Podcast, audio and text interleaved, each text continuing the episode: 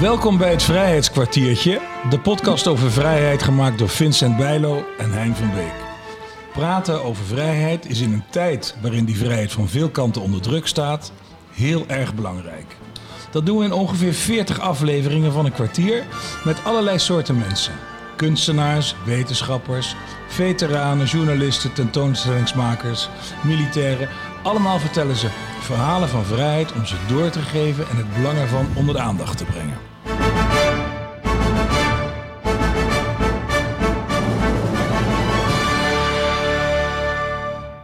In deze aflevering spreekt Vincent Bijlo met Jelle de Gruiter, voorzitter Stichting Nationaal Erfgoed Hotel de Wereld. Deze stichting is eigenaar van Rijksmonument Hotel de Wereld en ziet toe dat de bijzondere historische functie van de wereld geborgd is en blijft. Hotel de Wereld vertelt het verhaal van het einde van de Tweede Wereldoorlog en de bevrijding van Nederland. Jelle en Vincent, aan jullie het woord. Dankjewel Hein. En hoe doen jullie dat, Jelle? Toezicht houden op uh, dat het wel wordt gebruikt waarvoor het uh, bedoeld was? Uh, wij doen dat door um, te vergaderen met het bestuur. en, um, Hier? Hier, ja, in het hotel vergaderen wij uh, eens in de maand. Um, het hotel is in 2013 door de stichting aangekocht met geld wat geleend is van het V-fonds, het Fonds voor Vrede, Vrijheid en Veteranenzorg. Mm -hmm. En um, wat wel opmerkelijk is, is dat toen het uh, gekocht is van de universiteit met het oog erop om het in maatschappelijk eigendom te houden, toen ging men er zo te zien vanuit dat dat. Dat dat, dat, nou ja, dat het werk van het bestuur niet zoveel voorstelde. Dat was een heel klein bestuurtje, drie mensen. En uh, die moesten zorgen voor een goede hotelier. En ik denk dat er toen een soort gedachte was dat iedere horeca-ondernemer vanzelf wel begrijpt wat het, uh, wat het hotel is en wat het, een, wat het nut is of wat het belang ervan is om dat ook uh, te gebruiken. Niet alleen uh, inhoudelijk, maar ook gewoon commercieel. Ja. Maar dat viel tegen, want in, we zijn nu tien jaar verder en inmiddels zijn we aan de vijfde exploitant. Dus dat betekent dat degenen die hiervoor gezeten hebben, die hebben het niet lang volgehouden. En toeval is, of nou, misschien is het geen toeval, maar dat we nu een exploitant hebben, dat is Him Plus. Dat is de exploitant met hotelier Hans Hoofd. En die, nou, dat zijn eigenlijk de eerste exploitanten die er echt serieus iets doen met, het, met de geschiedenis van het hotel, met het verhaal van 5 mei en met vrijheid in het algemeen. Ja, want zij hebben ook bijvoorbeeld Villa Ruimzicht in uh, Doetinchem.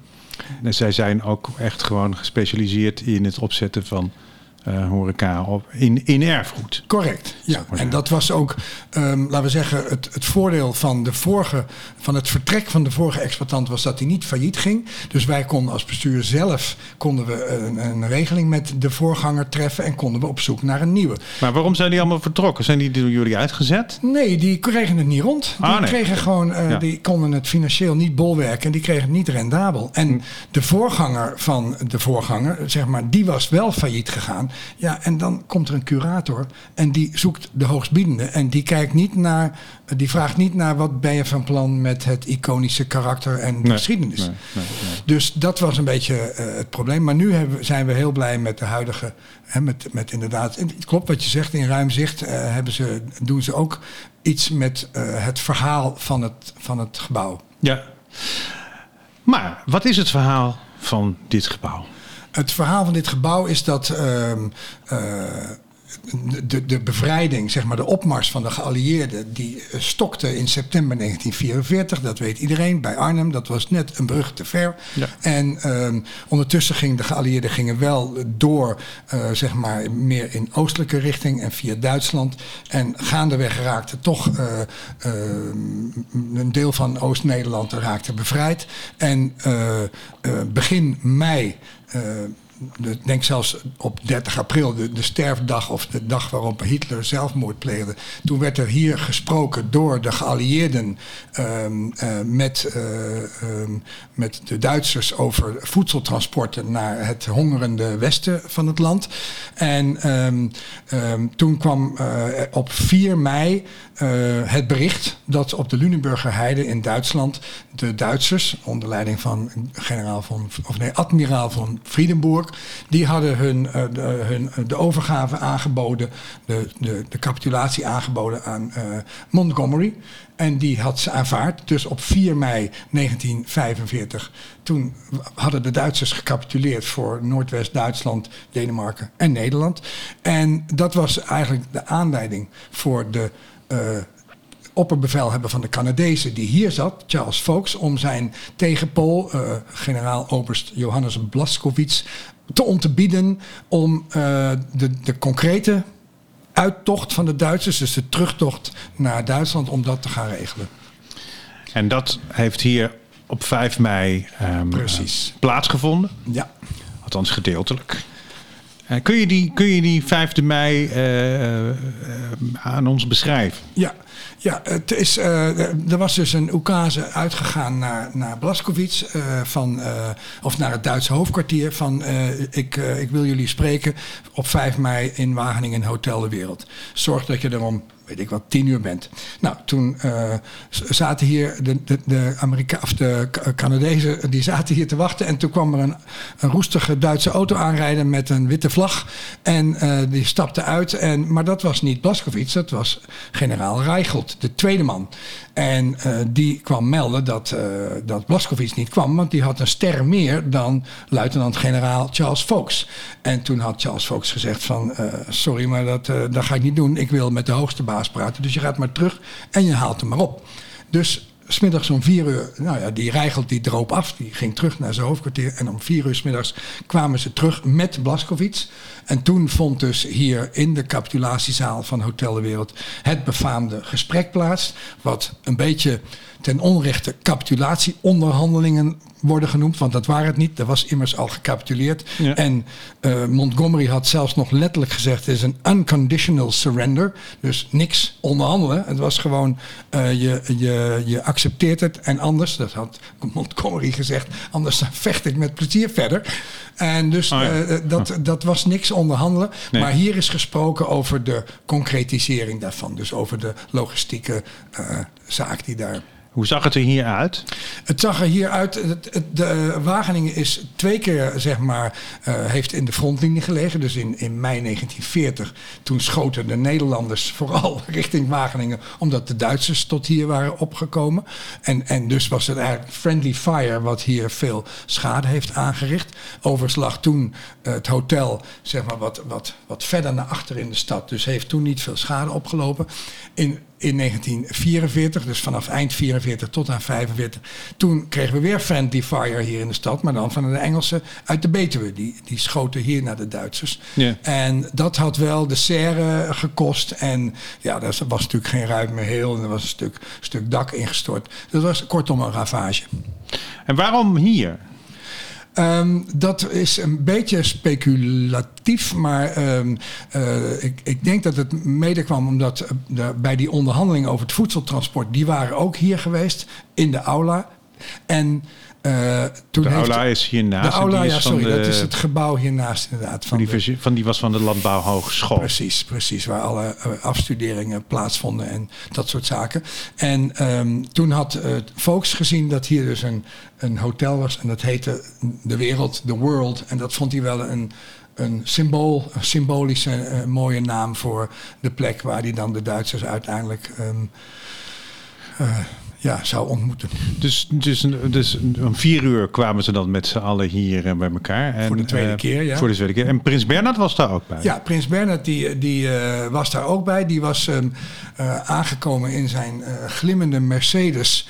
Die de, de, die de binnenlandse strijd, of die het verzet had buitgemaakt op Seis Inkwart. Dus dat nummer was ook RK1. Seis Inkwart, de Rijkscommissaris. De Rijkscommissaris. Het nummerbord was ook RK1. En daar Cabrio Mercedes daar kwam Bernard mee aan uh, rijden. En um, ja, die, die wilde er graag bij zijn. Uh, Charles Fox was daar niet heel erg happig op, maar heeft het toch uiteindelijk uit respect voor de prins en voor Nederlandse binnenlandse strijdkrachten toegestaan. Maar Bernard die wilde eigenlijk dat de binnenlandse strijdkrachten de Duitsers zouden mogen ontwapenen. En dat vond Charles Fox dus niet wenselijk. Want die vreesde schermutselingen, wraakacties, Ja. schietpartijen. Natuurlijk, heel veel Nederlanders konden het bloed van die Duitsers wel drinken. Dus dat, was, dat zag hij niet zitten. Dus dat, daarom zat Bernhard er eigenlijk pro forma bij. Maar die heeft niet zijn zin gekregen. Was het een groot persmoment? Ja, er zaten, op de foto's kan je zien dat er een stuk of 30, eh, ruim 30 eh, oorlogscorrespondenten, fotografen, filmers en journalisten hier eh, achter zaten, achter de gesprekstafels. En die hebben het ehm, eh, letterlijk kunnen volgen wat hier besproken werd. Ehm, opmerkelijk is dat ehm, de, de, de geallieerden vroegen natuurlijk allerlei dingen aan, aan Blaskowitz. Van wij willen weten waar, hoeveel troepen sterk jullie hebben. Waar staan al je voertuigen? Waar zijn de brandstoffen voor die voertuigen opgeslagen? Waar zijn jullie munitiedepots? Eh, welke bruggen zijn er ondermijnd? Al dat soort Mhm. informatie wilden ze hebben. Eh Blaskowitz die zei van ja, eh, die, die kun je krijgen, maar die weet ik niet uit mijn hoofd. Dus geef me 24 uur om die te leveren. En toen had Volks gezegd, oké, dan zien we elkaar morgen hier weer. En dat hebben ze in de aula gedaan. Daar zat geen pers bij. Dat kon je ook makkelijker afsluiten. Was, het hotel was iets meer een zeef dan, eh, dan de aula. En dus toen is in de aula is dat besproken. En daar was geen pers bij. Dus eh, daar kan ik me iets bij voorstellen. Want ja, ze hadden er geen belang bij dat er in de krant eh, dingen stonden over waar je Duitsers kon vinden. Of hun wapens of dat soort zaken. En toen zijn de daadwerkelijke handtekeningen. Daar onder dat, eh, onder dat papier waarin, eh, waarin dus stond van, nou ja, erken je de capitulatie en eh, al die vragen die hij dus moest, moest beantwoorden, die zijn gegeven en daar is een handtekening onder gezet. Maar dat was dus niet de handtekening onder de capitulatie zelf, hooguit een soort verklaring van ik zal me eraan houden of ik zal... eh, het opmerkelijk verhaaltje nog ik weet niet of we nog veel tijd hebben, maar eh Volks had gezegd tegen Blaskowitz van als er vanaf nu nog ergens een schot valt of iemand gewond raakt of dood, dan hou ik jou persoonlijk verantwoordelijk. En of dat de directe aanleiding was of niet, weet ik niet. Maar op de terugweg heeft Blaskowitz in Amerongen. eh, toen zag hij dus een groepje Duitse soldaten. die stonden op het punt om een aantal Nederlanders te fusilleren. Waarom weet ik niet. Maar daar, toen heeft hij zijn auto laten stoppen en is hij uitgestapt. En heeft hij gezegd: ah, ah, dat gaat niet gebeuren. Eh, want ik heb dat zojuist, zeg maar, eh, beloofd. Dus dat heeft ook nog levens gered. Dat heeft ook nog levens gered. Dan gaat er een, een, een, een verhaal dat Volks eh, chef-generaal van de generale staf van het Canadese leger wilde worden. En dat hij een, dus een rivaal had, Guy Simmons.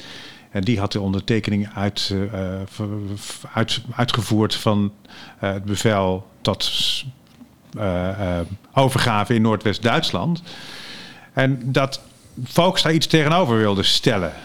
Ken jij dat verhaal? Ik, ik ken het verhaal en ehm, ik kan me er iets bij voorstellen. Eh, Die, die, eh, die lui zijn natuurlijk ook eh, niet, niet achterlijk. En die wisten dat de oorlog ten einde liep. En die dachten natuurlijk aan hun carrière.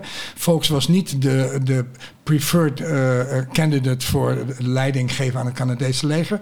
Maar hij heeft inderdaad, hij had natuurlijk wel eh, behoefte aan een persmomentje. En aan iets Ja. wat, eh, waar hij zeg maar door ehm, bekend zou worden. Het is hem ook gelukt, want hij is uiteindelijk ook toen bevelhebber van het Canadese leger geworden. Ofschoon hij dus eh, op het strijdveld eh, eh, minder succesvol was. Maar met dank dus ook aan Hotel de Wereld. Met dank aan Hotel de Wereld. Heeft hij ook zijn rekeningen nog betaald? Weten we dat? Ik vraag me af of die überhaupt bediend is. Ja, dat, in, die, in die dagen. Misschien was het wel complete Ik zelfservice. denk dat ze, dat ze iets bij zich hadden of helemaal met niks gedaan hebben. En hoe, eh, even, even kort nog, hoe, eh, ehm, hoe eh, komt alles van 5 en 6 mei hier nu tot uiting? Hoe dat tot uiting komt. In het hotel bedoel je? Of bedoel Ja. je op 5 mei? Nee, in het hotel. in het hotel, ehm, daar is het dus, eh, daar heeft de hotelier die er nu zit, die heeft eh, eh, bedacht dat hij wil, hij wil de eerste verdieping. Nee, sorry, de begane grond, dat mag helemaal 1945 zijn. Dat is echt de oorlogsgeschiedenis. Maar de eerste en tweede verdieping, daar, hij wil wel het hotel van de vrijheid zijn, maar niet alleen maar Tweede Wereldoorlog. Dus daar is met een project wat ook subsidie van het V-fonds gekregen heeft, zijn alle kamers, eh, die zijn zeg maar gekoppeld aan een internationaal bekende vrijheidsstrijder. Van, van Gandhi tot, eh, tot eh, Nelson Mandela en van Martin Luther King tot, tot Sakharov. En En eh, in die kamers, daar zie je dus eh, nou ja, foto's en spreuken en, eh, en, en uh, requisieten die zeg maar doen denken aan die vrijheidsstrijder. En zo, um, ja, zo kan je in het hotel kan je de vrijheid uh, beleven. Verder is er een, uh, een, een, een, website met een soort, uh, wat wij noemen de, de Virtual Tour. Dat is een reenactment van 5 mei, nagespeeld en gefotografeerd zodanig dat je net als met Street View eromheen kunt lopen. En je kunt op icoontjes klikken en dan Ah, ja. komt er informatie over de, Ja. over de acteurs. En er is een eh, stripboek gemaakt eh, waar wat zeg maar eh, voor jong en oud op een hele, ja, ik vind het op een mooie manier het verhaal vertelt. Ehm Eén klein ding over het stripboek. Ik heb dat van tevoren mij niet gerealiseerd. Eh, ik was bij de totstandkoming betrokken. Maar achteraf heb ik me gerealiseerd dat... eh, dat zegt ook een van de acteurs in het stripboek... zegt ook van... eh, dit is de mooiste dag van de oorlog. Namelijk de laatste. En dat maakt dat je dit stripboek... daar is ook enige luchtigheid. Er zit wat meer humor in. Al die andere stripboeken die over de holocaust gaan... of over de deportatie of over eh, veldslagen... Die, daar, daar, daar kun je niet een grap in maken. Dat is zo dramatisch en gruwelijk dat je dat... Ja, dat is ook heel en dat mooi. is bij dit boek... Ja, Jelle, eh, je stripboek, hè, daar bereik je de jeugd mee. Hebben jullie ook rondleidingen voor de jeugd specifiek? Of schoolklassen die hier komen? Of maak je misschien combinaties met, met het Airborne ik- Museum? Of... Mm, nog niet. Er, er zijn hier wel eh, rondleidingen zoals vandaag op Open Monumentendag en, en ook op andere open dagen. Nog niet. We hebben nog niet spe- specifiek voor, voor scholen dat eh, ontwikkeld. Zou kunnen. Zou, zou, het is een goed idee. Eh, wat wel zo is, is dat het stripboek, wat met subsidie van het V-fonds tot stand is gebracht, dat, die, dat is gemaakt onder de voorwaarde dat het een educatieve functie eh, moest hebben. En dat houdt concreet in dat iedere basisschool in Nederland, die kan bij Wageningen 45 zeggen van nou, we willen er graag 30 hebben voor onze leerlingen van de zevende, achtste groep. Krijgen ze een docentenhandleiding bij. En dan is het de belofte of de voorwaarde dat ze het ook in de klas, eh, zeg maar, de leerlingen met elkaar in gesprek laten gaan over, over dingen als vrijheid en onvrijheid en onderdrukking, meelopen of verzetten, eh, dat soort zaken. En krijgen ze die dan voor niks? Lekkere Hollandse vraag? Ja, ja, die krijgen ze voor niks, ja. nou, dat Ja. is fijn voor de scholen. Ja, dat is heel fijn voor de scholen. Maar ze moeten er wel om vragen, want als je ze gewoon Ja. ongevraagd rondstuurt, dan, ja, dan kan het maar al te makkelijk in de kast blijven staan. Oh ja. dus, dus de school moet echt wel actief erom vragen. En dan, dan worden ze toegestuurd. Super mooi geregeld. Ja, de, de eerste 4000 eh, van de eerste oplagen zijn ook al weggezet. Heel goed. En er is nu een tweede druk. Dat is mooi. En zo blijft het verhaal van de bevrijding en van vrijheid en wat vrijheid is doorgegeven worden. Dankjewel, Jelle. Graag gedaan. Dit was het eh, Vrijheidskwartiertje, gemaakt door Hein van Beek en Vincent Bijlo. Muziek, Kilian van Rooij. Deze podcast is mede mogelijk gemaakt door een bijdrage van het V-Fonds, Stichting Nationaal Fonds voor Vrede, Vrijheid en Veteranenzorg, de provincie Gelderland, Stichting Vrienden van Boei, Stichting Nationaal Erfgoed Hotel de Wereld en Hotel de Wereld zelf. Mocht je dit een interessante podcast vinden, deel hem vooral, geef reviews en geef sterren. En alle info tref je aan op vrijheidskwartier.nl.